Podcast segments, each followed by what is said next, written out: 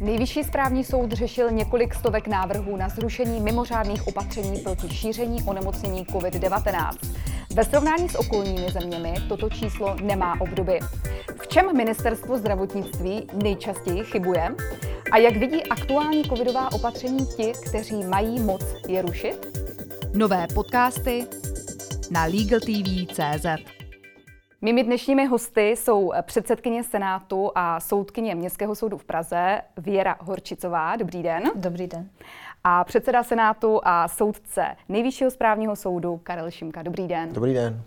Pane doktore, začnu u vás. Nejvyšší správní soud zrušil už řadu covidových opatření. Co udělali ministři zdravotnictví Adam Vojtěch, Jan Blatný špatně?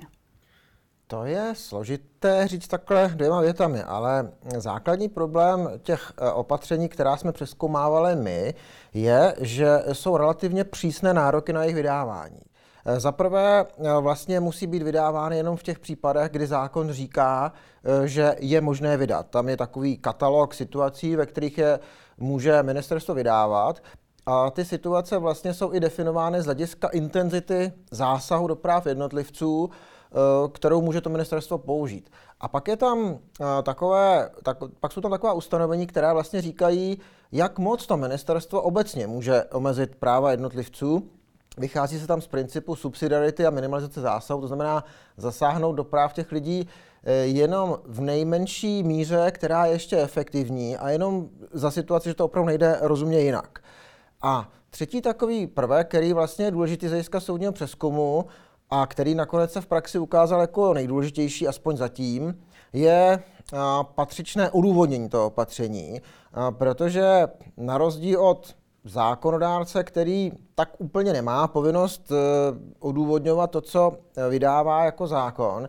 My se tady pohybujeme v rovině opatření, která vydává veřejná zpráva někde na pomezí jakéhosi podzákonného právního předpisu a individuálního rozhodnutí. Je to opatření obecné povahy a tam je vyžadováno docela důkladné odůvodnění a pokud to odůvodnění není a pokud se v tom odůvodnění nepromítnou právě ty vlastnosti, které jsem tady popsal, to znamená, že to opatření opravdu eh, je jenom nejmenší, ještě dostačující k tomu efektivnímu zvládnutí pandemie a že se pohybuje v těch mezích, ve, které zákon, ve kterých zákon přímo říká, že vlastně to ministerstvo může být činné, no tak pokud to není dobře odůvodněno, tak to je první velký důvod, nebo první taková skupina důvodů, kvůli kterým jsme ta opatření rušili. A v podstatě celá ta eh, jakoby jarně letní vlna, která, dejme tomu, skončila eh, teďko na podzim, je ve znamení toho, že jsme opravdu většinu těch opatření rušili na nedostatečné nebo mm, nepřesvědčivé odůvodnění toho, proč ministerstvo zakázalo to či ono.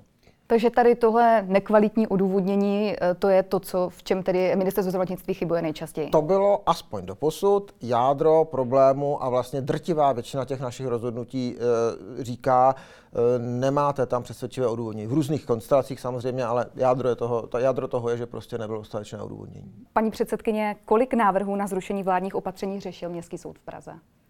Eh, Městský soud eh, řešil eh, do současné doby přibližně 140 návrhů. A týkalo se to jednak žalob na zrušení krizových opatření nejdřív, pak žalob krizových opatření vlády, posléze nebo současně návrhu na zrušení návrhu na zrušení mimořádných opatření Ministerstva zdravotnictví.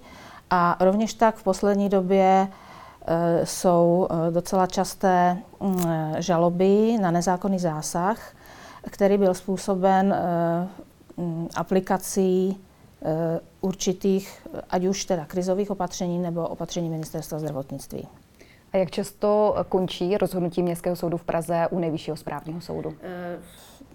Troufnu si říct, nemáme přesnou, přesnou evidenci teď v současn, k současnému datu, ale přibližně tak polovina polovina věcí eh, je napadena kasační stížností.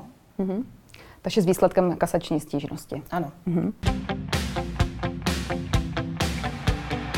Soudce nejvyššího správního soudu Zdeněk Kůn řekl v rozhovoru pro seznam zprávy, že nejvyšší správní soud řeší stovky případů covidových opatření, zatímco v Německu nebo ve Francii jsou to jen desítky případů. Čím si to vysvětlujete? Já si to vysvětluji tím, že my tady máme přece jenom malinko jinou právní situaci, která je způsobena uh, jiným přístupem české politické reprezentace k, k pandemii v určitých uzlových momentech. Eh, možná je dobré si to trochu popsat časově. Ta pandemie začala, tuším, že začátkem března 2020 a velmi rychle byl vyhlášen nouzový stav, který znamenal to, že vlastně byly vydávány eh, byla vydávána mimořádná opatření vlády v režimu nouzového stavu a ta opatření byla v zásadě jaksi přímo soudně nepřeskoumatelná.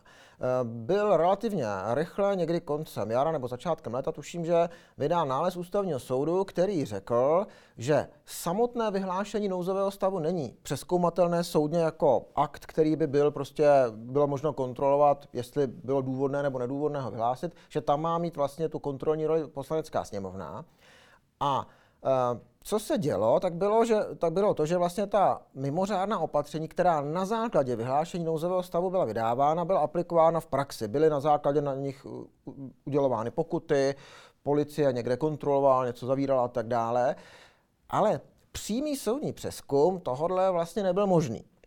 Byly pokusy, eh, právě jeden ze senátů Městského soudu v Praze, eh, byly pokusy jakýmsi nepřímým způsobem eh, tu činnost vlády v rámci nouzového stavu kontrolovat. Byly pokusy říci, že není možné na jedné straně používat mimořádná opatření v režimu nouzového stavu a vedle toho ještě vydávat opatření ministerstva zdravotnictví, ale v zásadě na začátku té pandemie jsme se k přímému soudnímu přeskumu nedostali. Pak bylo léto, to byla roková pohoda docela, a pak začala zima a s ní další velká vlna pandemie na přelomu let 20 a 21.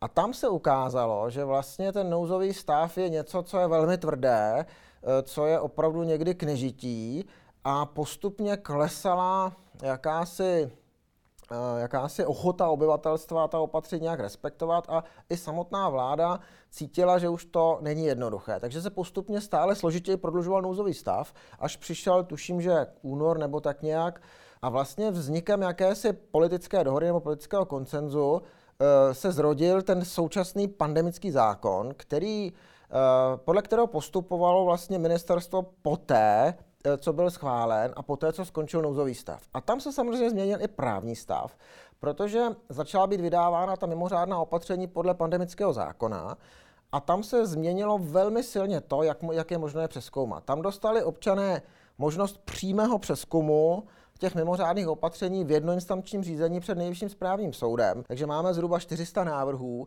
od eh, vlastně jara, které na nejvyšší správní soud přibyly nad rámec jeho běžné agendy.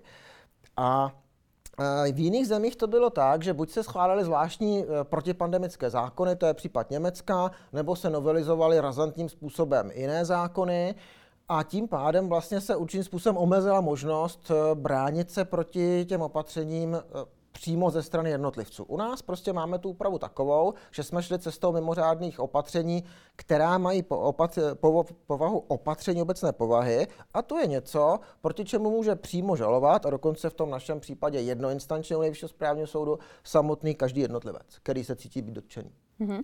Říkáte, že teda 356... Eh, Řekněme 360, tak nějak vlastně 350 a 400 třeba, to je, vším všudy. To je tedy pro nejvyšší správní soud opravdu extrémní zátěž. To je desetina jeho ročního nápadu. A pocitujete třeba eh, to i vy eh, sám na sobě, jako konkrétně, nebo trpí tím tedy jiné kauzy? Tak samozřejmě, že tím trpí ty kauzy, protože my cítíme samozřejmě intenzivní potřebu to projednat přednostně a je to jednoinstanční řízení, to znamená na velkou část nebo významnou část těch případů musíme nařizovat jednání. Možná jste viděli i e, jaksi zprávy mediální z některých těch našich jednání, kde se opravdu řešila, řešily odborné otázky, například v poslední době protilátky a jejich uznávání nebo neuznávání a to, jestli o něčem svědčí nebo nesvědčí. Takže ti naši soudci se tím musí opravdu zabývat velmi důkladně. A já sám jsem se samozřejmě musel také ponořit do této agendy, jednak v té rovině právní, co je to vůbec za povahu aktu, ty mimo, ta mimořádná opatření, a pak samozřejmě i v té rovině odborné, protože vy nemůžete ty věci soudit, aniž byste aspoň rámcově nepochopila, řekněme, ty zdravotnické a epidemiologické aspekty celé té věci. Mm. Takže je to těžké. To... Panuje podobná situace i na Městském soudu v Praze? Ano, no tak eh, z toho čísla, které, které jsem uvedla, tak mm. určitě. Jak říkám, vlastně ten samotný přeskum mimořádných opatření Ministerstva zdravotnictví teď probíhá podle pandemického zákona a probíhá u Nejvyššího správního soudu v současné době, teda po, po, po, úči, po účinnosti pandemického zákona. A takže vlastně k, k nám přicházejí spíše žaloby na nezákonný zásah, kdy žalobci tvrdí, že nezákonný zásah byl způsoben aplikací některých opatření, mimořádných opatření Ministerstva zdravotnictví. Dokonce v poslední, eh, v poslední době jsme rozhodovali eh, eh, taky kauzu, kde jsme museli jako podkladové rozhodnutí přeskoumávat i krizové opatření vlády.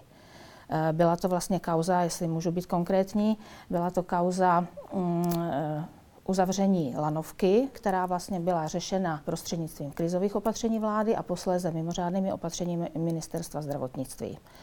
Eh, ústavní soud přeskoumával tato krizová opatření a dospěl k závěru, že že v důsledku absence odůvodnění nebylo vůbec seznatelné, teda proč přistoupil k, takhle, k takto razantnímu omezení práv eh, v tomto případě.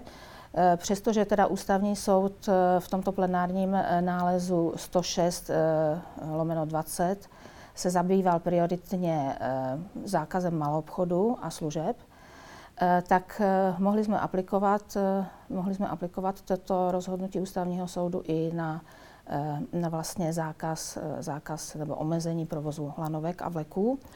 Eh, takže vlastně jako podkladové rozhodnutí v tomto případě soud eh, přeskoumává, eh, jestli teda krizové opatření bylo v souladu se zákonem a jestli teda následně mimořádná opatření, které rovněž následně zakazovaly provoz lanovek a vleků, jestli byla také v souladu Eh, se zákonem. A jestliže dospěli jsme k názoru, že ani jedno tyto opatření nebylo v souladu se zákonem, respektive bylo protiústavní, tak eh, samozřejmě celý tento zákaz ve vztahu k tomuto individuálnímu zásahu, ve vztahu k tomuto individuálnímu žalobci byl nezákonný.